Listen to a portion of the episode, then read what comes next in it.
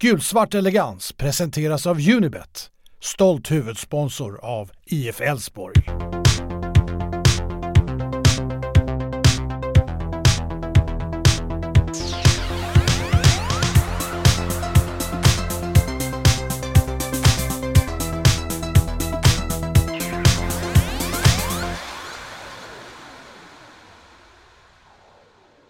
Hej och välkomna till podden Gulsvart Elegans, eh, Elfsborgs podd eh, på Spotify. Eh, vi eh, sitter här och tänker egentligen en dag framåt främst. Vi har en match mot AIK här eh, borta på Friends Arena. Här borta på Friends Arena, på Friends Arena. På bortaplan, borta gräs mot AIK. Och eh, vi eh, ser fram emot den här. Vi kommer att prata mycket om den matchen såklart, men vi har lite annan information som kommer att börja podden med idag. Eh, jag lämnar med varm hand över till eh, Isak Edén. Ja, nej, men jag tänker vi, vi ska börja med lite annat, eller annat, men lite som ja, egentligen om Gulliganernas medlemskampanj som jag hoppas folk har noterat. Det är ju nämligen så att Gulliganerna fyller faktiskt 30 år i år som supporterförening. Eh, så väldigt imponerande får man ju lov att säga. De grundades 91. Och eh, jag ska inte säga att vi är starkare än någonsin, men eh, vi, Gulligana är fortfarande en stark förening och nu eh, har de kämpat för upp till 500 medlemmar. Jag tror det passerats, eller så är det typ 500 medlemmar. Eh, och blir ni medlemmar så får ni då en medlemskort. Om man är inom 500 första, så det kan bli lite svårt, så får man även en medlemspin. Men det kommer också ut ett gula sidorna här inom kort till alla medlemmar. Så att, eh, bli medlemmar, för det kommer bli, även om vi inte får stå på läktarna numera, så är det ju ändå Alltså dels så gör Gulliganan väldigt mycket jobb i bakgrunden som man inte ser. Eh, jag har ju varit ordförande i fyra år så jag vet ganska mycket vad som händer i kulisserna som, inte, ja, men som man kanske inte noterar i vanliga fall. Alltså man tänker att ja, vi Gulliganan ordnar bara bussresor, men så är ju faktiskt inte fallet. Eh, bland annat till exempel det här med åtta supportrar, att det blev fyra supportrar som får gå, de får ta med sig en seriebiljettsinnehavare kommer fram med diskussioner mellan Elfsborg och supporterföreningen. Eh, just för att det är roligare att gå med någon. Eh, istället för att åtta randoms ska gå så blir det istället fyra och så får man ta med sig en, en, en som har seriebiljett helt enkelt. Och mycket med restaurangen och eh, ja, men utvecklingen av Elfsborgsläktaren och olika kampanjer och så vidare. Och plus då förhoppningsvis, och nu verkar det ju ändå som att det börjar bli lite ljusning med att vi kanske får gå på fotboll förr eller senare i år i alla fall. Eh, och då vill vi ju givetvis eh, ha så att Gulliana har möjlighet att fira sitt, sitt 30-årsjubileum på bästa möjliga sätt och det kan de inte göra utan att vi blir medlemmar. Så eh, Gulligana30 tror jag det är .se. Gå in där, bli medlem så gör vi det här till ett bra år även supportmässigt. Yes, och du hade även lite övrig information där Isak. Ja, men vi kan väl fortsätta på informationsspåret från våra sponsorer Unibet som vi gör podden tillsammans med. Vi har ju tidigare pushat för deras hemmaklubben. Men nu har de en ny grej som de vill lyfta upp som de har kört, eller en ny grej, de har kört här i tre år. Eh, något som heter 3030.se. Eh, och det är helt enkelt att Unibet delar ut 30 000 kronor till 30 föreningar eh, där man får ansöka. Och det kan vara vilken förening som helst, det behöver inte vara Elfsborg, det kan vara din lokala fotbollsförening, roddförening, innebandyförening eller Stadigs hockeyklubbar som man kanske vill nominera. Ehm, så eh, 30-30.se eh, så kan man nominera sin förening på olika sätt där. Eh, och man behöver såklart vara 18 år, regler och villkor gäller och även här finns ju stödlinjen.se. Yes, vi har även en punkt som vi tänkte ta upp nu. Det är en ny månad, idag är det första maj betyder att vi har en månadens spelare för förra månaden. Och eh, jag tror att vi är ganska eniga den här veckan, men jag lämnar ändå över till David där. Du får börja med din eh, spelare och en snabb motivering. Snabb motivering. Eh, våran vänsterback som inte har tagit något gult kort, alltså Simon Strand, det är den som gäller. Finess, slitvarg, krigare, underbar inställning enligt mig varit bra i alla matcher. Kanske inte var bäst i första matchen mot Djurgården, men han var väldigt på, på topp och i de två senaste matcherna har han varit ja, kanske etta, tvåa eh, MVP enligt mig. Eh, så att jag tycker att han har varit riktigt bra. Det är många andra spelare som också varit väldigt bra, eh, men eh, Simon Strand tycker jag har visat jättebra inställning och eh, ledarskap eh, när han har gått upp och eh, dratt med hela laget som gör det att det är väldigt tufft att möta Elfsborg med två underbara ytterbackar. Så att eh, aprils månadsspelare för mig är Simon Strand. Isak? Ja, det finns väl egentligen eh, tre kandidater skulle jag väl säga och det är Simon Strand, Josef Okomo och eh, Chuka. Eh, alltså Maudo Jarchue. Man skulle väl även kunna slänga in Johan Larsson. Men eh, det står väl mellan de tre tycker jag och eh, Simon Strand är väl en eh, good shout. Så att eh, jag säger inte emot, även om jag nog ändå, alltså, det är lätt att glömma av hur bra Josef Okomo faktiskt är. Eh, så jag vill ändå lyfta Okomo lite extra. Det, man pratar om Strand och Jarchoe för att de har överraskat positivt och gjort det jävligt bra inledningar. Men och eftersom vi vet hur bra Okomo är, men Okomo har varit så bra som de faktiskt förväntar oss att han ska vara. Så att, jag slår ändå ett slag för Okomo faktiskt. Ja, jag är helt enig med David där. att eh, Simon Strand är min aprilmånadsspelare. april spelare. Och det är klart att man färgas lite av förväntningar på spelarna såklart. Jag har ju varit ganska kritisk mot Simon Strand i, i långa perioder. Jag tycker att han har varit våran bästa spelare helt enkelt i, i april. Eh, stabil på alla tre matcherna, till och med riktigt duktig. Exempel. Mot Varberg tyckte jag han var klart bäst på plan. Eh, ihop med såklart, jag skulle säga, ja, Marocki får man ju plussa för också. Men, men jag tänker, jag tycker definitivt att Simon Strand har varit eh, kanske bäst på plan två av matcherna här i alla fall. Så att, eh, jag, jag röstar på honom. Ja, månadens spelade Simon Strand alltså, det såg vi inte komma för några veckor sedan. Absolut inte. Eh, sen hade vi en, eh, en punkt som jag vet att du eh, brann lite för där Isak. Det pratas en del om, det har varit framförallt en, en diskussion i BT och eh, antagligen då bland BTs läsare också, får man ju gissa.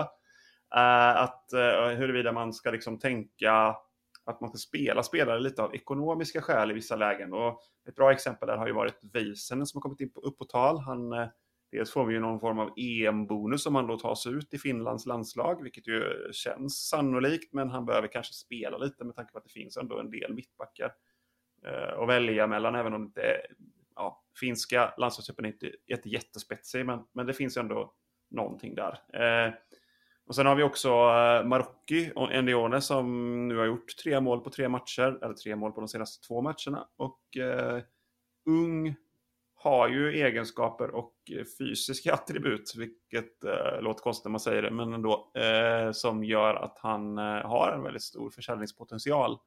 Samtidigt som han har också en, eh, en väldigt bra spelare som han konkurrerar mot, eh, framförallt en spelare som gjorde det extremt bra förra året, nämligen Per Frick. Hur säger vi där? Jag vet ju var jag står, men om vi börjar med David då.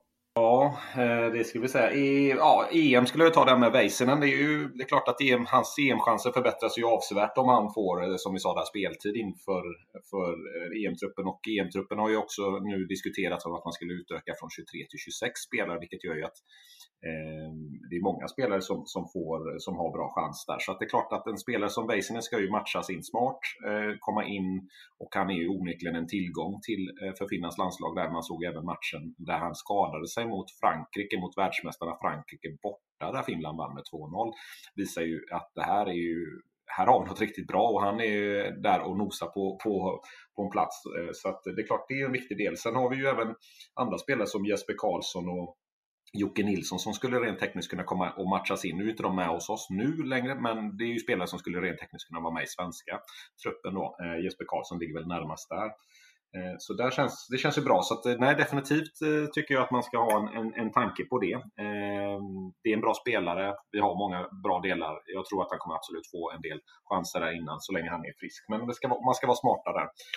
Sen gällande Marocki har ju jättekul givetvis. Han förlängde ju kontraktet i fjol, eller i februari tror jag var, till 2022 ut någonting.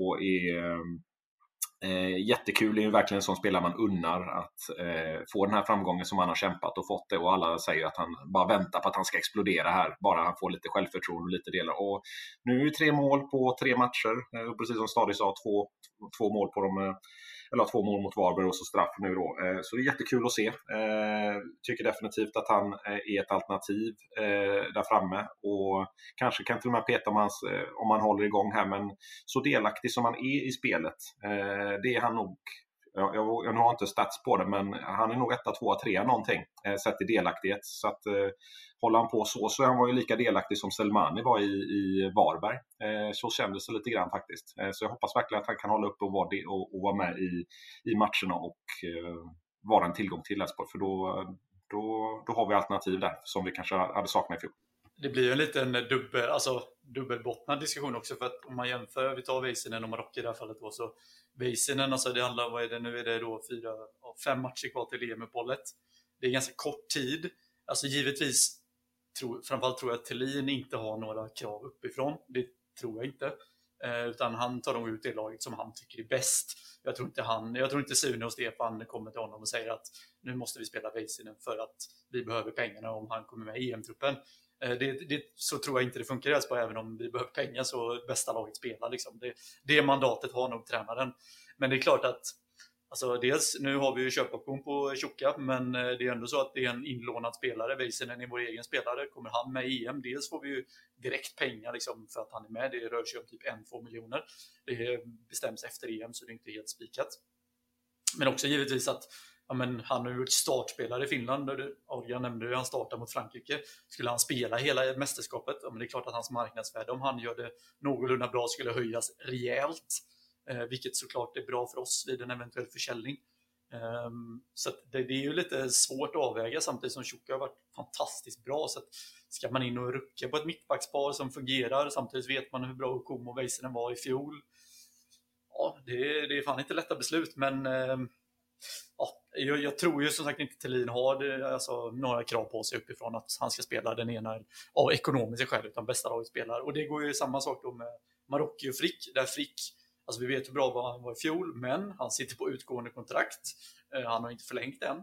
Marocki är eh, liksom en ung anfallare med målpotential. Vi vet alla, så det räcker med 10 mål en vårsäsong eller ja, en halv vårsäsong så kommer, alltså, stiger ju värdet enormt på unga offensiva anfallare som gör mål. Så att jag menar, skulle han spela hela våren och göra ytterligare 4-5 mål, alltså stå på 8 mål efter 8 matcher, alltså då är vi uppe på försäljningsvärden på liksom 20-30 miljoner direkt. Eh, och jag menar, det är klart att det är viktigt för föreningen att kunna utveckla, sälja vidare spelare. Så det, det, är inte helt lätt diskussion ändå. Eh, även om jag som sagt, jag tror ju inte till tänker de banorna, men jag kan tänka mig att Stefan och Sune håller nog en extra tumme för att framförallt Leo Väisänen som är ganska, alltså det räcker att han spelar en två, tre matcher så kommer han ju förmodligen komma med i EM-truppen. Ja, och jag är väl någonstans i läget att eh, det är klart, när det gäller unga spelare, Marocko tycker jag är lite annan historia än, eh, än eh, äh, Väisänen där. Jag tänker att så länge Tjocka gör det så bra som han har gjort det så är det klart att han ska fortsätta spela med Okomo där. Äh, sen är det klart att i en match mot, som den mot AIK så hade jag väl kanske generellt sett tyckt att Väisänen lite mer slipad spelstil kanske hade möjligen varit något intressant. Men nu är det ju inte relevant att sätta in honom med tanke på att han inte riktigt... Det känns ju osannolikt att han skulle vara i den matchformen. Att, att det är jätteläge att bara peta, peta bort Chauchi av den anledningen. Han spelade ju 60 minuter här i u i, i veckan så att han borde ju vara matchredo ändå. Men det är klart, han är inte i matchform. Nej, eh, och då tycker jag det är lite svårt. Eh, då är Jean så som han har spelat svårpetad och Komo såklart inte alls möjlig att peta. Så att, där tycker jag är lite annan sak. Men däremot Marocki, Frick, ja där är det ju jämnare. Jag, jag kan väl vara lite enig med dig Isak. Efter förra podden så pratade vi mycket om att, att Frick trots allt eh, bidrar med någonting som Marocki kanske inte riktigt gör. Och jag tycker i och för sig att Marocki bidrar med vissa saker som inte Frick gör heller. Eh, det, det, Frick är bra på huvudet exempelvis, men Marocki har ju en helt annan Ja, han har ju en helt annan fysik där så att det, det kan ju vara liksom lite hugget som stucket där. Jag tycker det, där får det vara väldigt mycket matchform som avgör tycker jag och dagsform. Och i det läget så tycker jag nog kanske ändå att Marocko bör gå före. Sen är det återigen en match som den mot AIK så tänker jag att eh, då eh, lutar jag nog ändå åt Frick för jag tycker att vi kanske behöver ha in lite mer erfarenhet i laget eh, en sån match. Så att, ja, jag, jag, tycker det har, har väldigt lite med ekonomin att göra egentligen, utan det är mer vad, vilka spelartyper som passar när och sådär. Eh, och vilken, vilken form de är i. Eh, för form ska spela väldigt mycket roll och det vet ju inte vi riktigt eftersom vi inte är med på träningarna såklart. Givetvis, alltså jag tror eh, alltså, tre poäng ska alltid vara det viktigaste. Även om en förening alltid behöver se det längre perspektivet också. Eh, alltså, men det är kanske mer lite större frågor, liksom, vilka man värvar som vi ser nu. Att alltså, alltså de här målvakterna vi värvar in, Simon Andersson och nu den här isläggningen som ryktas vara, ja, eller som är klar i princip. Liksom. Eh, det, alltså, där kan man ju satsa på yngre spelare, men i den kortsiktiga matchen så ska ju givetvis det laget som har störst chans att ta tre poäng starta. Yes, vi har fått ett gäng frågor på eh, både Twitter men också på mail faktiskt. Eh... Nu är det tyvärr så att jag inte har namnet på den person som har mejlat in ett gäng frågor här. Men jag tänker vi, vi betar av dem en efter en i alla fall. Så vi ser om vi lyckas eh, rassla fram namnet här under, under, under poddens gång. Och vill ni, eh, vill ni höra av er med frågor så antingen sociala medier, alltså Twitter, gulsvart elegans eller så som sagt mejla på gulsvartelegans.gmail.com så tar vi upp det i podden. Det kan vara stort som smått eh, och ja, diskussionsämnen helt enkelt. Absolut, och vi kommer ju också såklart att försöka plocka upp eh, diskussionsämnen som vi ser och hör runt i Elfsborg under säsongen såklart. Så att det inte bara sociala medier utan det är saker som vi hittar och ser och reagerar på såklart. Eh, men till frågorna då. Eh, första frågan. När ska andra spelare få chansen som ytterforward? Ondrejka, Bernhardsson, Prince, Kupelav och Kassem. När ska vi börja använda de här killarna? Vad säger du där David? Ja, vi har ett enormt sparkapital där så det är inget snack om det. Det gäller ju som, som ni var inne på lite grann, eh, visa att man har en X-faktor, visa att man är någonting mer, att man tillför någonting och sen är det lite beroende på lag och form och sådär så att eh, det är en konkurrenssituation, det är väldigt roligt. Eh, och det är klart att eh, spelare som Cooper Love och Kassem och Bernhardsson och, och givetvis Ondrejka är ju kanske närmast då. Eh, Prince ju, har väl eh, lite problem än så länge med att komma tillbaka här än så länge. Eh, så han är väl lite längre ifrån. Men Bernhardsson var väl tydligen på G.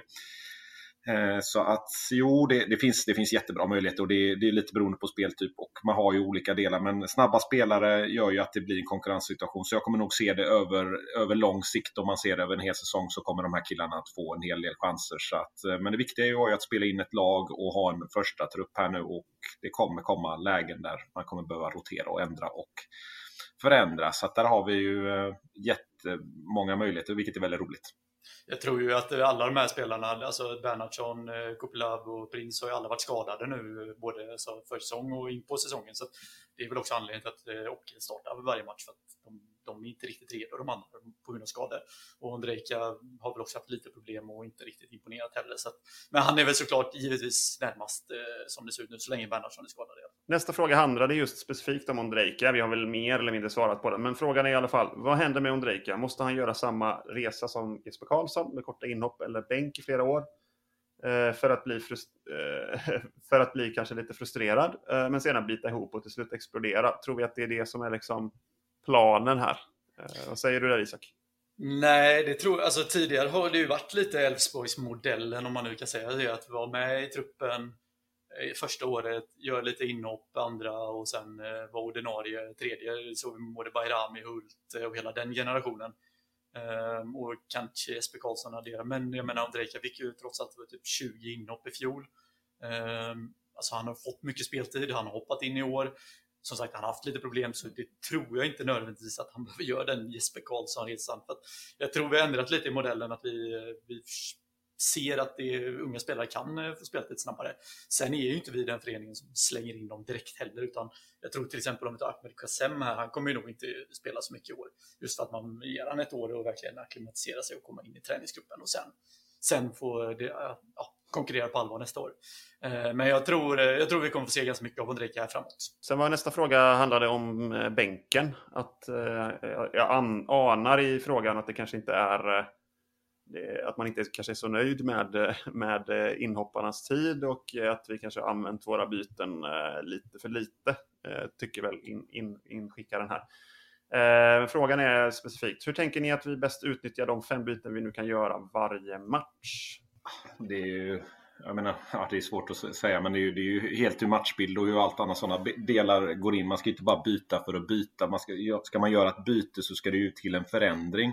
Så sett. Sen är det, är det ju helt rätt att man har en, eh, en annan verktygslåda, att man kan ha fem byten. Och det är klart att då ska ju den spelaren som kommer in kunna tillföra någonting eller se att man gör en förändring i matchen. Då. Så det är klart att Eh, Eh, jag vill ändå säga att vi har så pass många bra spelare och en bredd. Eh, till exempel så det vi nämnde här nu med, med yttrarna till exempel, att man ska kunna hålla en hög nivå hela vägen. Så att, eh, byte för bytens skull, nej det är nog inte så. Men definitivt nyttja de här om man ser att någon inte håller upp eh, matchnivån eller planen eller vad det är man vill ha. Ja, då har vi de, den möjligheten. Så att, eh, till exempel, eh, ja, hur skulle man kunna matcha in Väisänen? Ja, då skulle han kunna gå in och göra en Lövgren kanske komma in och stänga matchen sista 30.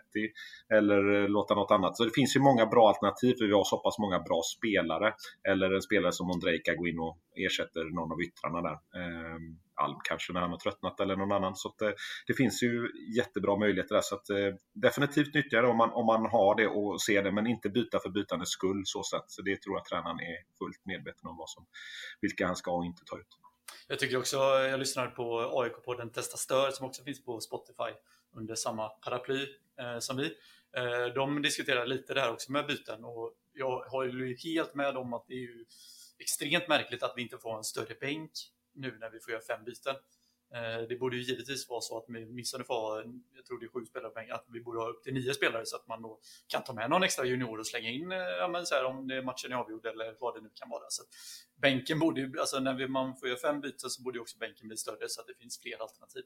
Ja, jag tycker, jag höll med dig. Jag hade inte tänkt så mycket på det, men eh, absolut, jag tycker det kändes som en rimlig. Jag lyssnade också på den i veckan här. Eh, inget man brukar göra i vanliga fall, men det blir ju så att det var likadant. Jag lyssnade på Mjällby-podden inför Mjällby-matchen där.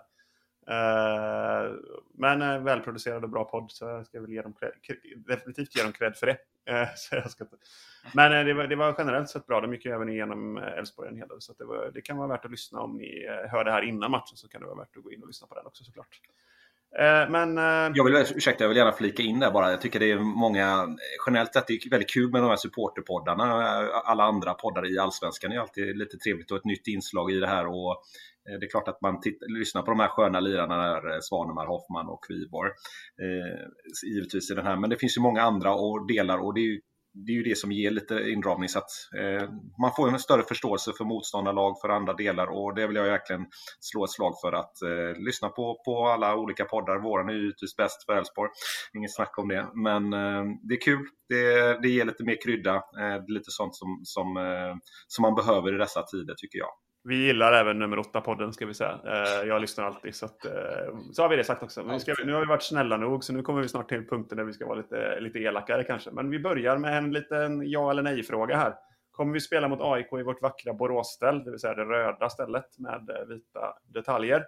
Stärstället. Jag vill minnas att vi gjorde det förra året, så det, det, skulle jag tippa. Jag tycker alltid vi ska spela i vårt gula ställe om vi får spela i vårt gula ställe. Ja, det är hemmastället. Det är ju om man, om man måste styra. Men det är klart att det är gul, svartgult mot gulsvart, så att det är, det är det är jobbigt för en färgblinde där.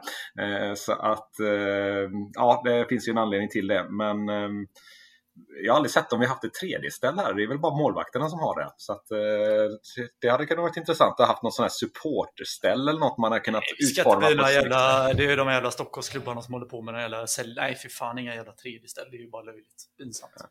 Jag är, jag är helt för den röda tröjan mot AIK. Jag tycker det är helt okej att spela den. Det känns som att den är klassisk och jag, jag tycker den är ganska snygg också. Eh, så att, eh, jag, jag köper den helt klart rakt ut. Jag har många bra minnen med Elfsborg i bortaställ också. Så att, Eh, kör på det, tycker jag. Eh, så vi tycker lite olika också. Det är härligt.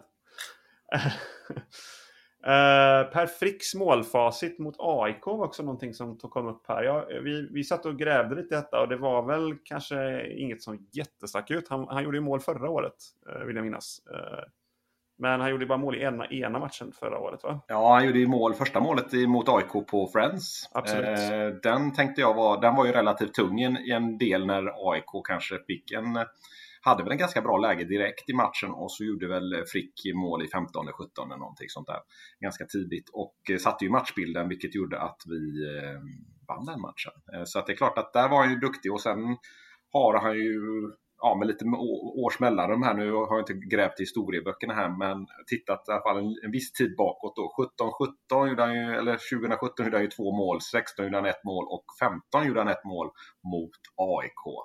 Eh, och det är inte dåligt. Nej, det är det inte. Eh, absolut, det, är väl, det sticker ut lite grann, men det ja. Eh, han var ju dock, ska sägas, extremt bra båda matcherna mot AIK förra året. Eh, både hemma, eh, hemmamatchen vi hade eh, AIK extremt på gaffel. Första halvlek mot AIK i fjol på hemmaplan var en av de bättre matcherna, en av de bättre halvlekarna vi gjorde faktiskt. Eh, sen hade vi jättesvårt i andra halvlek, eller vi spelade okej okay i långa perioder, men eh, AIK lyckades väl kvittera till 2-2 ganska sent om jag inte eh, missminner mig. Va? Stämmer.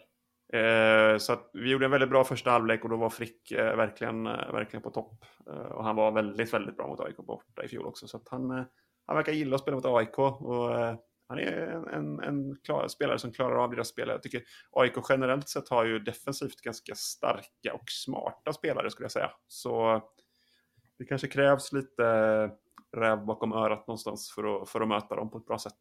Eh, så jag skulle förorda Frick imorgon kanske. Av den anledningen kanske mer än, än hans målfacit mot AIK. Eh, om vi fortsätter, vi hade en eh, Twitterfråga också. Robin Ibanez. Eh, oklar om det är eh, hans riktiga namn, men det är i alla fall hans Twitternick. Eh, han eh, frågar om våra topp tre Ishizaki-minnen från hans tid som spelare i Elfsborg. Eh, ja du. Svår fråga, jag har inte förberett något, men det är klart att eh, guldåren eh, sticker väl ut. Det är väl han som slår inlägget, vill jag minnas, det är Jocke Sjöhage va? Eh, Guldbollen 06. Um, ehm, om jag inte är helt fel ute och cyklar här eh, på uppstuds. Ja, absolut. Jo, men den, eh, det sticker ju ut definitivt. Sen eh, har, alltså generellt sett så var han ju väldigt bra i de stora matcherna skulle jag säga. Eh, han har eh, många matcher mot Blåvitt när han har varit riktigt bra. Eh, han har eh, han var generellt sett en, en, en, en, de stora matchernas man lite grann i Elfsborg tycker jag. Eh, och det är alltid, alltid positivt. Sen minns var- man ju såklart målet också mot eh, Örebro från halva plan där som är brutalt snyggt. Definitivt, men då är det ju ändå Örebro, Ja, Isak, får vi komma Men ihåg. eh, vi ska Eh, väl, det är ju lika stort att möta Örebro som AIK ska vi väl konstatera framöver.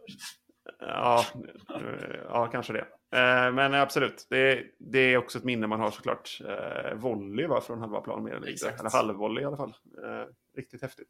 Jag hade ett minne, eller jag har flera minnen givetvis med Ishizaki, men givetvis när han kom från Vålerenga en gång i tiden gjorde att han satte en klass och en helt annan del med en spelare som utmanade en mot en. Helt outstanding och bara leverera poäng på efter poäng efter poäng och sen undrar man när han skulle bli såld. Men eh, hade lite otur med skador och så. Men det fanns ett ganska trevligt inslag där när eh, Ishizaki som ändå har pendlat mellan både AIK och Elfsborg ett antal gånger här. Eh, Eh, tyckte jag gjorde en väldigt snygg gest när, när faktiskt han kom tillbaka då till Råsunda en gång i tiden när faktiskt AIK-publiken tackade och, och, och och eh, la det. Tyckte jag var snyggt att man inspirerar och att man tackar sina gamla spelare. Och det, eh, nej, det är en trevlig, härlig spelare och det är klart att man fattar att en sån spelare vill man ju gärna ha kvar och nu är han ju kvar i Elfsborgs organisation så att eh, där har vi vunnit den kampen. Så det var ju fantastiskt kul. De eh, tacka, var ju inte lika pigga på att tacka eh, Mohamed Bangura när han eh, debuterade för IF Elfsborg mot AIK. Den berömda premiären där 2013. Då var det inte applåder från AIK-kortsidan kan vi konstatera. Nej, och Bangura var väl... ja, det, var ju, det var ju en intressant satsning någonstans som Elfsborg gjorde för, för 20, 2013 där. Men som väl slog ganska fel får man ju säga. Och Bangura var väl den största delen av det. Sen så var det... Det var en speciell säsong på många sätt och vis, men eh, det var inte jättekul att se honom i, i, i gult får jag säga. Och den här presskonferensen eh, var ju faktiskt tyvärr en parodi. Eh, jag tycker ändå att Bangura gjorde, liksom, han, han gjorde sitt jobb. Det var inte så att han gick runt och, lö, gick runt och lökade på träningarna. ett Eller sådär. i i sista matchen. Ja.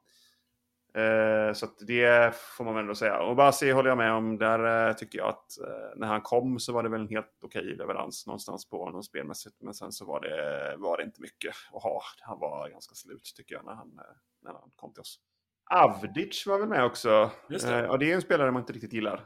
Eh, Sen var det ju väl rätt skönt på ett sätt för att han var ju får man säga, en ganska monumental flopp i AIK. Det kan man ju ändå gilla. Eh, Det var ju tur att vi inte skrev på med honom. Jag vet att vi hade honom på kroken lite grann och det var liksom tänkt att han skulle skriva på för Han Elfsborg. var väl med och tränade med oss, eh, vill jag minnas. Ja, verkligen. Och så drog han och smet och skrev på för AIK eh, samma dag där. Det var väl inte så snyggt. Jag vet att Stefan var nog inte helt nöjd med den. Samtidigt så kanske det i slutändan blev ganska bra för det visade sig att han inte hade någon vidare nivå i sig. Nu spelar han väl division 1, va? eller hur är det? Är det, är det AFC han spelar i? Jag vet inte, Akropolis eller... Akropolis tror jag var ja. Ja. Akropolis Ja, jag vet inte. sista. De har värvat en jävla massa gamla gubbar i alla fall, så att det, han har säkert hamnat där också. Ja, nej, tyvärr. Avdic är lite... eh, det är ju lite sorgligt kapitel någonstans lite i Elfsborg. Han gjorde ju en väldigt, eh, ja, två kanske väldigt bra säsonger i Elfsborg såklart. Så det ska man komma ihåg honom för. Men, eh, Han gjorde en fantastisk tråkigt, tråkigt. Royal League-match mot AIK, vill jag minnas. Han gjorde två mål, 4-0-seger. Ja, det var väl då AIK hade orangea tröjor och sen eh, aldrig mer spelade de. Eh, tror jag. Då var, det var en period när Elfsborg faktiskt var riktigt bra också. Eh, det var häftigt. Mm. Vi, vi hade en bra vår där också har jag för mig. Eh, Så att, eh, jag kommer kna- faktiskt knappt ihåg vad det var för år, måste jag erkänna. Kan Han hängde ju 20. också 18 Något mål en säsong, den Jabic, eh, det ska man komma ihåg innan vi sålde han till eh, Werder Bremen var det va? Absolut, och då eh, fick vi en hel del pengar för honom också, så att det var väl bra på det sättet. Men eh, ja, lite, lite surt avslut tyvärr. Eh, han kunde ha skött det snyggare helt enkelt. Eh, yes, vi har ju våran stående punkt i matchpoddarna nu som vi införde inför Mjällby. Så så jävla stående har det väl inte varit eftersom vi trots allt innan det har gjort, vad är det, 138 avsnitt eller något liknande av den här podden. Även om den då hette Gulsvart Göteborg i en period. Så tänker jag att eh, vi har ju helt enkelt vignetten Vad fan är det för fel på AIK? Eh, lite, lite lättare för många tror jag att komma på saker som är, som är fel med AIK än Mjällby som vi hade senast. Eh, det var lite, lite av en utmaning. Jag tycker jag hade ganska lätt ändå för jag, jag har mycket emot Blekinge helt enkelt. Men eh, så jag, jag skulle, om jag bör, får börja här så tänker jag att AIK det som jag stör mig egentligen mest på AIK är ju att folk har så jävla mycket känslor. Eh, alltså, det finns en himla antipati mot AIK. Och det i sig gör mig ju ganska trött på dem. Alltså jag tycker det är ganska tråkigt att läsa och höra och eh, höra eh, en jävla massa om AIK hela tiden. Alla andra supportrar, jag vet att de har den här härliga giffen som de kör att eh, AIK är någonstans i mitten av solsystemet som de andra allsvenska klubbarna snurrar runt. Eh, sådär. Och ibland kan jag känna att det, de har ju lite av en poäng med vissa klubbar som är nästan fixerade över AIK. Och den här stan är ju ett bra exempel på det. Jag vet att alltså man växer ju mer eller mindre upp som, och då menar jag Göteborg i det här fallet, eh, man växer ju mer eller mindre upp med den här härliga ramsan, eh, lär dig krypa, lär dig gå och så vidare. Den typen av, av saker. Det känns liksom som att det, det var lite så även i min uppväxt. Jag är uppvuxen i Västsverige, längre inåt landet. Men det var, det var ändå sådär att man, det var, AIK var en sån där grej man skulle tycka illa om. Och jag fattade, aldrig riktigt, jag fattade den aldrig riktigt. För jag har ju alltid tyckt mycket mer illa om IFK Göteborg och i mitt fall faktiskt också Helsingborg. Uh, men uh, det är väl det jag skulle säga. Uh, för mig är ju jag AIK ungefär som Gävle fast lite bättre. Tråkiga taktiskt är de också. Höjden av det tråkiga med AIK var väl när de höll på eh, med, när de håller på med någon taktisk eh, revolution som förra året då när det bara pratades en massa om Atalanta och AIK och sådär. Couldn't care less känner jag. Eh, gick ju åt helvete, det var ju kul det men ja. Vad säger ni andra? Ja, det är väl alltid den här AIK-hybris-termometern på något sätt som, som alltid är varje gång som kommer varje år. Vi är bäst, vi är störst. Vi har den här arrogansen på något sätt. Sen kan jag förvisso gilla att man har det här eh, engagemanget stort. Det, det måste man faktiskt ge dem. Men, men samtidigt är det här just att man, är, man tappar det lite grann. Man svävar ut i det blå, liksom lost in space här och nu är vi bäst och tappar vi liksom vad vi faktiskt är bra på. Eh, och det är väl lite grann det man man känner här nu med så här moralseger mot, mot eh, och viktigt för dem att vinna mot Hammarby och sådär eh, svävar det bort. Men sen så landar de ganska platt när man eh, i matchen innan då när de åker på torsk mot Blåvitt liksom. Så, att, ehm, det är klart att eh, det är väl de bitarna där som jag känner är väl lite sådär. Sen generellt, nu är det väldigt generellt och så. Jag tycker ändå att Stockholmsfotbollen i stort borde inspirera varandra och behandla med respekt och sådana här delar. Och det, där, det är ju mest att slå vem är störst, vem är herren på täppan liksom. Det, ja, det, det finns ju sina tjusningar i det också, men, men jag tror man hade vunnit mer där då. Så att, eh, eh ja, det finns mycket att säga om det, men det är väl lite så det känns. Det, om man tar det bara liksom, nu pratar vi generellt, för mig också AIK, det ger mig inte så mycket heller att AIK. Alltså det, ja, det är ungefär som Örebro. Eh, men eh, om man kollar på nu så är det omöjligt att kolla på en AIK-match utan att bli arg på Sebastian Larsson.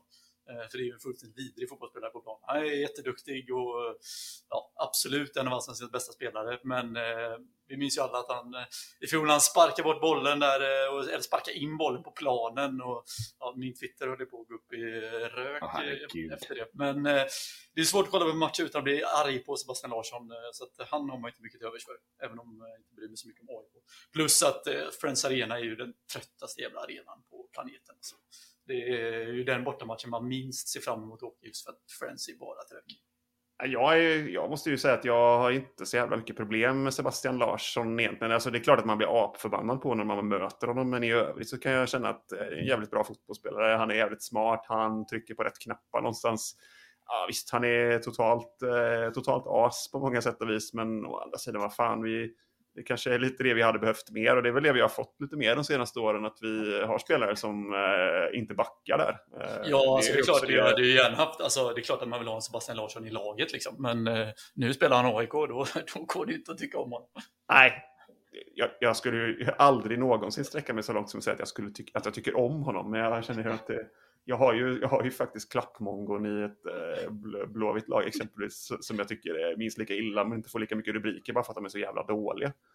Eh, men Nej, det är klart att spelare som han, jag menar visst rutin, fasta situationer, tyg med hörnor, karaktärsspelare. Ja visst, det är ju de bitarna att spela landslag, men precis som Isak är inne på där, alltså den, det, vi borde haft två segrar i fjol. Vi vann ju på, på, på Friends och sen hade vi 2-0 i halvtid och så kommer den här, när vi har ett superomställningsläge och så kommer Larsson och sparkar in bollen, hämtar en boll extra. Alltså det är ju så avstängd man kan bli.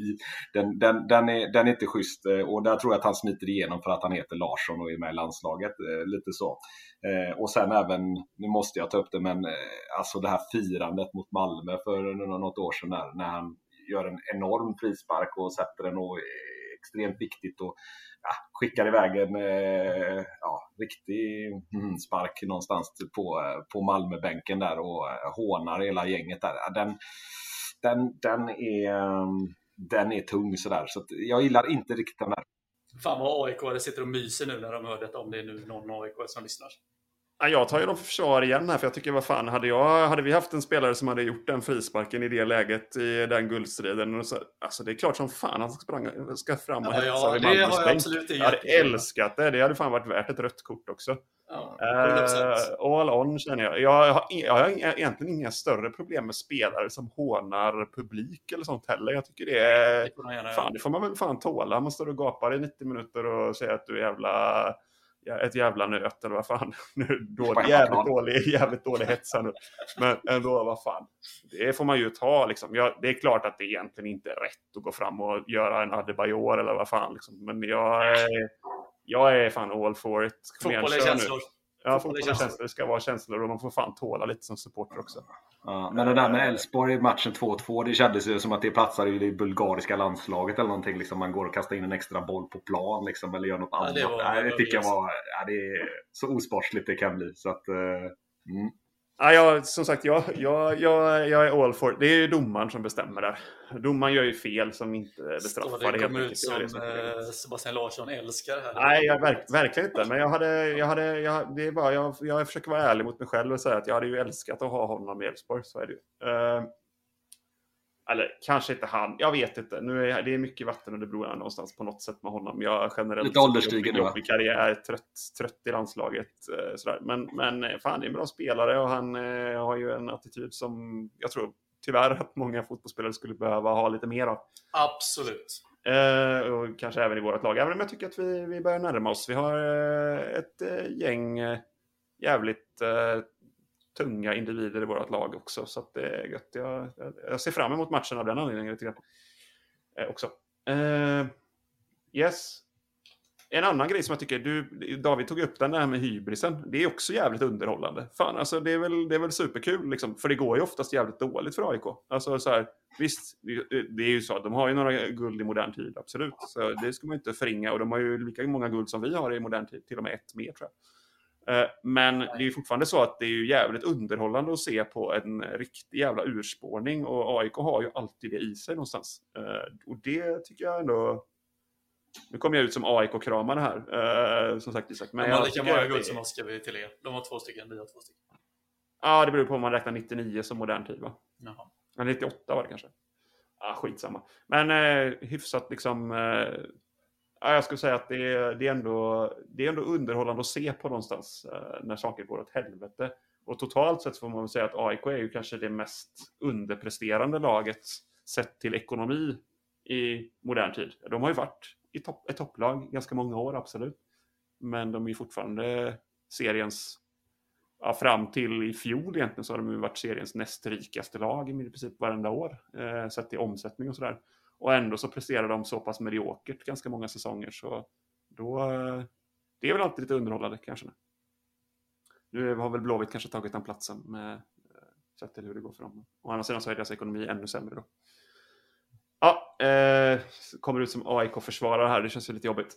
Eh, men that's my mm. truth and I'm sticking to it. Eh, har du något att tillägga där, eh, David?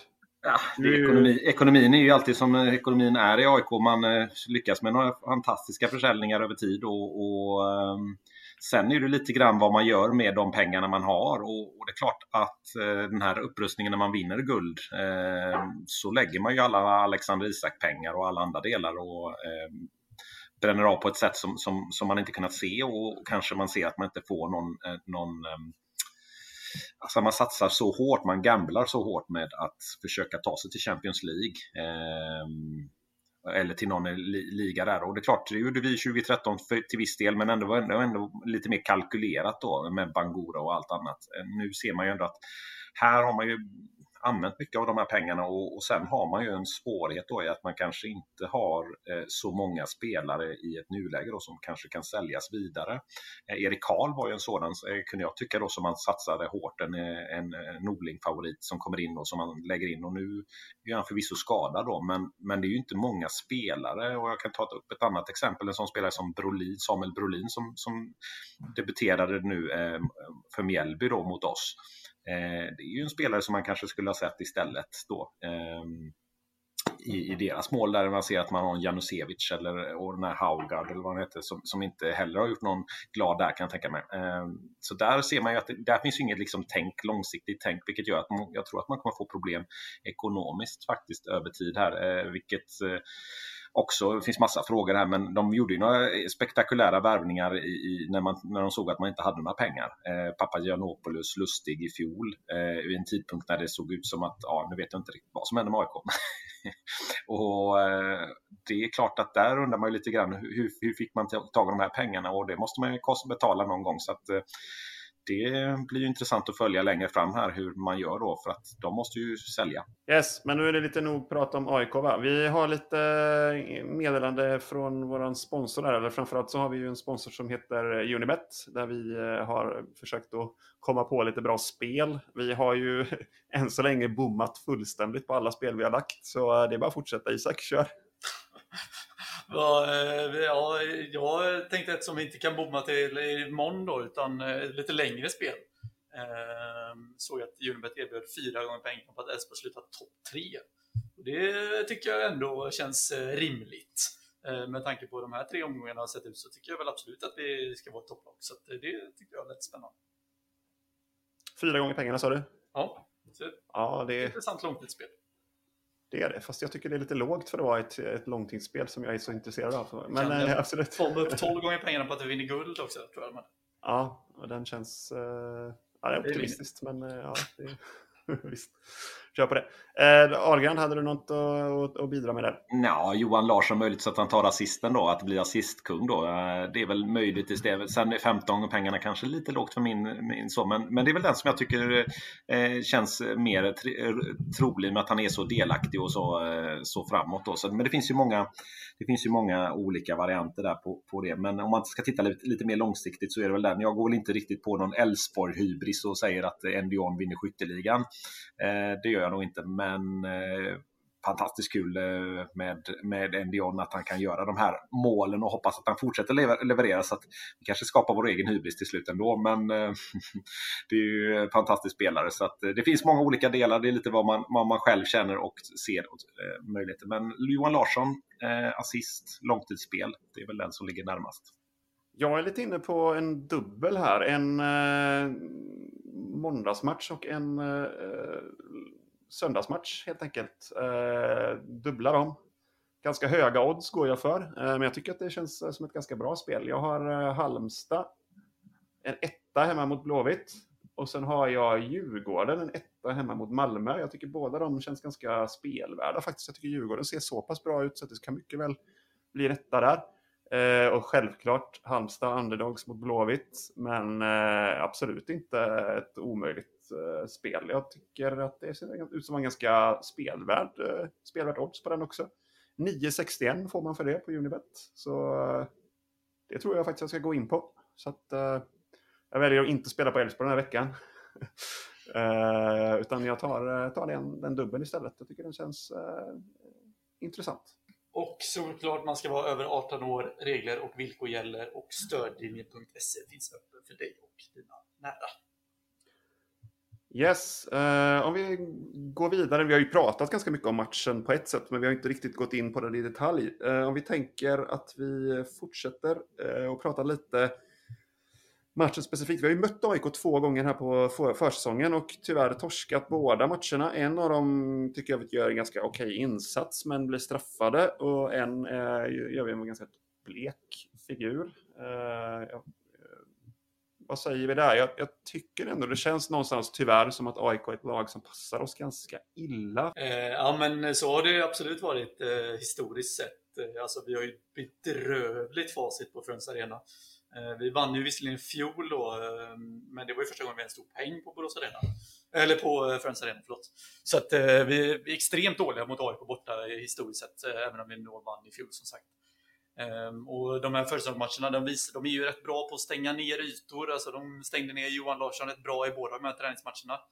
Ehm, och då gäller det ju att vi hittar lite andra nycklar. Sen om man kollar på AIKs lag, de vill ju nog hävda att de kanske har allsvenskans bästa backlinje. Och det är ju en bra backlinje de har med Lustig, Papagiannopoulos, eh, Milosevic och eh, Otieno då som spelar nu istället för Karl.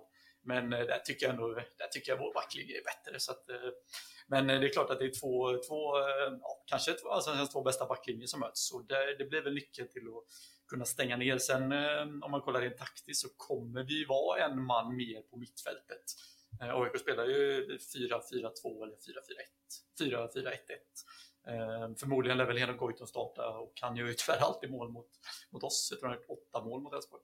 Eh, men där har vi ändå ett övertag med ett tremannamittfält mot AIK, så det blir väl en nyckel att kunna låsa upp och hitta lite andra vägar och framförallt om Simon Olsson kan starta, att vi får in de vägarna som vi inte hade i träningsmatcherna och då, då kan vi nog hitta ytorna där på Alm och eh, Larsson också. För det, det blir nyckeln helt enkelt. Jo, det är klart att eh, båda lagen har ju starka backlinjer och, och, det är klart att det är ju det. Och att vara på tårna, vara, ha den här inställningen att vara påkopplad direkt, få en bra start.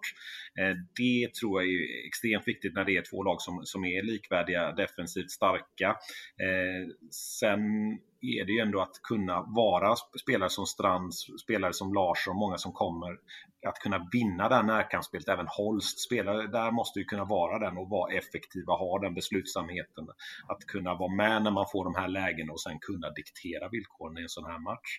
Så att vara taggade direkt tror jag är helt avgörande och att hålla rätt position i matchen där, att kunna styra, forma matchen, det tror jag är helt avgörande för att vi ska kunna få det. Sen är ju Friends, man får ju ja, lägga på lite, strö lite salt på såren där, men kass gräsmatta, det är ju verkligen eh, problem och alla de här bitarna och så. Men eh, jag ser ändå att vi har en, en eh, en väldigt bra trupp. Dock har ju eh, AIK sin rutin i sitt lag med många spelare där, så där har de väl en viss eh, fördel där. Men sen tycker jag ändå att vi har mer rörliga spelare, mer speed.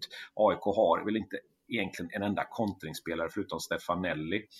Eh, så där har de ju eh, eh, en enorm tapp skulle jag säga. Eh, och där har ju vi en hel del som där man kan göra, säkert hitta många matcher i matchen där mellan Alm, eh, Otieno, Strand, Ylätupa eh, så vidare, så vidare. Eh, Stefanelli mot våra, mot Maudo och eh, och Como.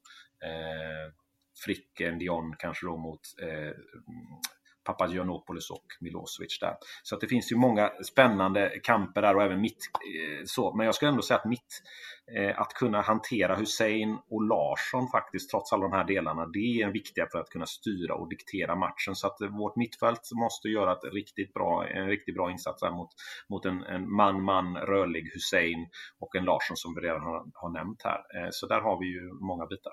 Och det blir ju extra tufft då utan André Römer på mittfältet som är avstängd efter tre gula kort. Um, så det blir väl Holt som får helt enkelt ta den platsen och så går jag Nilsson misstänker Ja, eh, det tar vi ju lite till eh, nästa fråga där. Jag tror eh, när det gäller elvan, Römer är ju borta. Bör väl bli så ändå att Olsson går in från start nu, eller vad tror vi? Ja, Olsson, Olsson, sorry, jag tror Olsson är redo nog för en 60-70 minuter. Det hade de ju eh, sagt innan där. Så att eh, han är nog på gång där och tar en, eh, kanske den mer offensiva delen i och med att vi har två starka ankare där i, i, i Holst och, och Gojani skulle jag säga. Och sen har vi många alternativ till då. Eh, kan vara intressant att veta att, inte för att eh, han tror att han kommer gå in då, men Kevin Holmén tog ju, eh, tog ju ankarrollen i U21-matchen som var häromdagen. Eh, så att, eh, nu tror jag inte att han går in där, men själva principen att det finns andra spelare som kan gå in och ta den rollen som är också eh, framtid och sådär. Så att det finns många spelare där som, som kan gå in. Men eh, Olsson blir väl naturligt och så gör man en liten rockad bland de tre. Och en spelare som eh, vi inte pratat alls mycket om och som fått väldigt mycket kritik även av oss. Men det är ju Samuel Holmén, men han gjorde ju faktiskt ett ganska bra inhopp senast mot eh, eh mot Mjällby eh, och vann mycket boll. Så det är ju ett alternativ om inte Simon Olsson riktigt orkar starta, även om man borde klara av att starta vid det laget om man tror de prognoserna de själva har lagt upp. Eh, men Sampa stod ändå för en bra insats och det är ju en spelare som ändå kan, alltså så här, eh, ja, men, men bollvinnare på mittfältet om vi behöver ytterligare en sån för att stänga ner Larsson och, och Hussein. För det är ju trots allt ett ganska starkt mittfältspar och Sebastian Larssons högerfot. Det är ju, den är ju sylvass på fasta situationer eh, så det gäller att se upp. En Bowie har ju kommit igång ganska bra också, nickat in en hörna eller två. Så det, det gäller att inte dra på sig den onödiga frisparkar eller hörnor i den här matchen, för då vet vi, då är ju Sebastian Larssons högerfot överlägset liksom bäst i serien. Ja, och sen eh, det är klart att AIKs styrkor eh, i defensiven är ju ganska uppenbara. De har ju en väldigt stark eh, back 4 helt enkelt. Framförallt en extremt bra högerback såklart. Lustig är ju, är ju rejäl klass. Liksom. Han är ju ihop med Johan bäst i serien, kanske ihop med också. Ja, vi har väl Malmös tappat namnet på honom såklart. Men de tre är väl eh, ganska särklass tycker jag i serien. Ja, precis. Men Vittry bör väl lämnas också kanske? Ja, absolut. Jo, han har också börjat väldigt bra, Vittry. Eh, men totalt sett över förra säsongen så tänker jag liksom att ändå klassen på, på Lustig kommer in och, och så. Absolut. De fyra är absolut eh, topp i, i allsvenskan, tycker jag. Och, men å andra sidan så är det om det är så att eh, Lustig har någon svaghet och jag säger verkligen inte att han är en svag spelare på något sätt och vis egentligen. Men han är ju inte riktigt så snabb som, eh, som han har varit och han har egentligen aldrig haft snabbheten som sin, sitt signum sådär. Eh, så kanske att den här matchen, att Ockels passar lite mot honom just på grund av det. Att han är ganska bra på att springa in bakom, vara lite luriga löpningar, ganska mycket oförtröttligt. Han löper på hela tiden liksom det kan ju vara en typ av spelare som ändå inte passar Lustig speciellt bra. Eh, sen som sagt, en jättefin spelare Lustig, så det är, det är, inte så mycket att säga om det. Men det, det skulle kunna vara en, en framgångsfaktor här ändå. Eh, I övrigt eh, finns ju också frågetecken kring eh, Väisänen eh, och Shuka. Det pratade vi lite om innan. Jag skulle säga Shuka går först, eller vad säger ni? Ja, ja i nuläget absolut. Eh, om vi tittar eh, på topp då, Frick mot Marocki. Jag vet att eh, Isak redan efter förra matchen var ute och tyckte att eh, Frick kanske borde starta här om han är i eh, full form. Vad säger du? Stämmer det fortfarande? Ja, men det tycker jag nog. Alltså, det, det är ju lite 50-50, men jag tycker nog ändå Frick så kan Marocko komma in när de är lite. Sen det är klart, det, alltså, det är klart, alltså Marocko har ju en mer spets i targetspelet eh, och det är klart att eh, Milosevic och Papagiannopoulos är ju starka i just det spelet, men eh, det känns som att vi, eh, det finns risk att vi hamnar lite lågt och då eh, då känner jag att eh, Fricks pressspel kommer mer till nytta en sån här match. Säger du det där David? Ja, det är ju lite både och där. Det är lite vad man, vad man, eh, vad man möter om man säger så. Så det är klart att man kommer få möta två spelare som, som har en handbollsförsvarare och en annan eh, Papagiannopoulos som är liksom rivig och bra. Eh, kanske slarvar lite med tajmingen där. Eh, och då kanske man vill se någon som är lite mer rörlig i, i min värld då. Eh, sen är det alltid liksom beroende på hur, hur taggad man är som spelare, liksom, vad, vad har man för energinivå när man går in i en match. Och en, eh, mot Bayern kanske de går in med 100 procent, men eh, kanske Elfsborg så, så lugnar de ner sig lite grann. Så att, eh, oavsett så behöver vi få den som är, som är hungrigast på något sätt och båda är ju, eh, Endion är ju, är ju, har en väldigt bra inställning här. Så att, eh, eh men det är klart, Frick gjorde mål i fjol, gjorde visat eh, att han har ett bra målsnitt mot det så att det kanske blir eh, det valet då även om jag är glad oavsett vem som, som spelar där. Då, så att, ehm, så där har, vi, där har vi en väldigt bra, ehm, bra spelare då, eh, som sagt att kunna göra i form nu i alla fall, en John då. Så att, ehm, mm. Vi lär ju få se båda på plan eh, det på ett eller annat sätt. Eh, alltså, man pratar ju mycket om startelvan, men vi var ju inne på byten innan och det är klart att alltså, oavsett vem som startar så lär den andra få en 30 minuter. Eh, och sen den andra frågetecknet i startelvan är väl om Jesper Ockel ska starta för fjärde matchen i rad. Han har ju inte imponerat jättemycket. Men det här är, jag tycker att det här är en match som Jesper Ockels definitivt ska starta. Just för att han har den här defensiva egenskapen och AIK har ju starka yttrar i Illetupa och Baui. Eh, och det kan framförallt bero på Baui som spelar på högerkanten. Eh, att Simon Strand kan behöva lite hjälp och då är Ockels, han är en väldigt men ansvarstagande vänsterytter så att eh, jag tycker nog att en sån här match så bör han starta.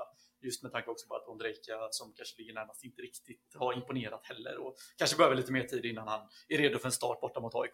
Du säger en intressant grej där med, med framförallt då eh, Bahoui och, och eh, Jag tror inte någon av dem har någon direkt speed i sig utan det är båda ganska finlirare, tekniska spelare så, så att eh, tror inte de passar riktigt så bra när man har en spelare som Alm och Ockel som kan ta bra hemlöp. Plus att både Strand och Larsson är ju extremt konditionsstarka och snabba eh, skulle jag säga. Så att eh, det tror jag är bra och där kommer jag nog ändå se att, att AIK kommer nog försöka driva inåt i banan är min känsla. Eh, mer än, än att eh, försöka utmana där. Utan de kommer nog försöka vara mer kompakta i, i sina delar. Eh, men jag tror att vi kan absolut skada dem där med eh, det som Isak var inne på med Ockels mot Lustig. Att kunna lägga en boll där bakom och ha, komma med snabbhet eh, med ett djupledsspel som jag tror kan skada mycket ska bli intressant att se också, tycker jag, duellen mellan... Eh, för jag antar, jag tror att eh, Henok Goitom kommer att starta ihop med Stefanelli och eh, framförallt Goitom mot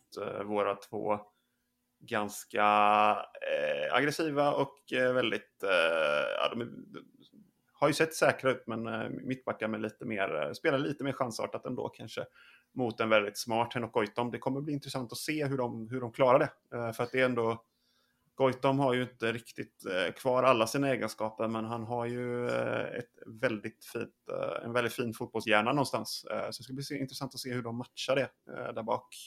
Och vad de får för hjälp också såklart av, av, av Strand och sådär. Eh, men eh, det kommer att bli en intressant eh, duell i matchen tycker jag. Han fick ju en väldigt omild behandling av Josef Okumo i fjol där när Okumo faktiskt borde nog blivit utvisad på den och två gånger med dobbarna före i två tacklingar där. Så att, ja, de hade, vi, sagt, vi var inne på det innan, vi har haft enorma problem med Henrik Goitom och även Stepanelli har gjort hattrick mot oss på Friends. Så att, det, den är man lite orolig för måste jag erkänna. Att Goitom och Stepanelli kan skapa lägen som Ja, det, det, är väl den största farhågan. Ett plus vi har är ju att vi eh, nu, eh, vi har pratat om det tidigare efter Varbergsmatchen framförallt, att vi har faktiskt inte förlorat på gräs sedan augusti. AIK.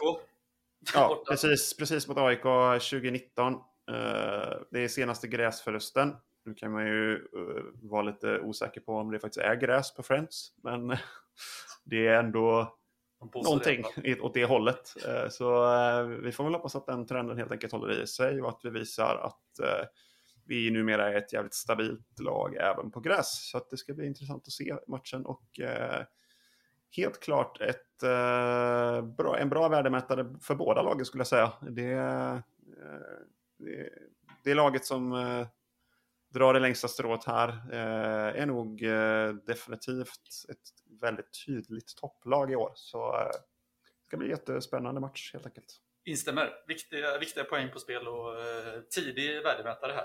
Det är det ju absolut. Jag skulle nog inte säga att det är en säsongsdefinierande match. Men det är klart att det är ju vem som blir påkopplad fram till EM. Det är det ju. Och vad man får för förväntningar efteråt. Så att det är klart att eh, favorabelt resultat här gör ju, eh, må, eh, gör ju många glada. Så att vi har ju eh, en viktig match här att kunna se vad vi, att gå för seger och sen får vi se var det landar. Yes, och där eh, närmar vi oss timmen eh, på denna inspelning. Så jag tänker att vi eh, rundar nog av där och så får vi be om på återhörande efter AIK-matchen helt enkelt. Där vi kommer att ge våra intryck eh, kring den match som då har varit. Så får vi helt enkelt gå framåt för seger. Jag skulle säga att berätta för andra gulingar att, och gulsvarta att vi finns i den här podden och ställ gärna lite, lite trevliga frågor så får vi, eh, får vi ny energi av det och eh, ni får lite, lite svar. Yes, ha en fin helg här och så hörs vi på andra sidan.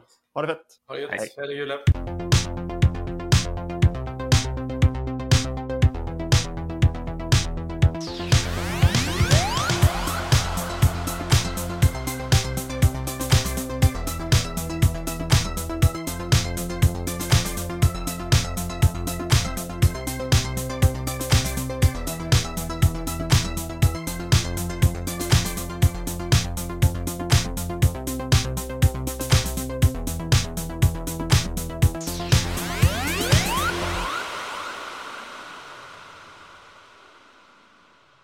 här podcasten presenterades av Unibet,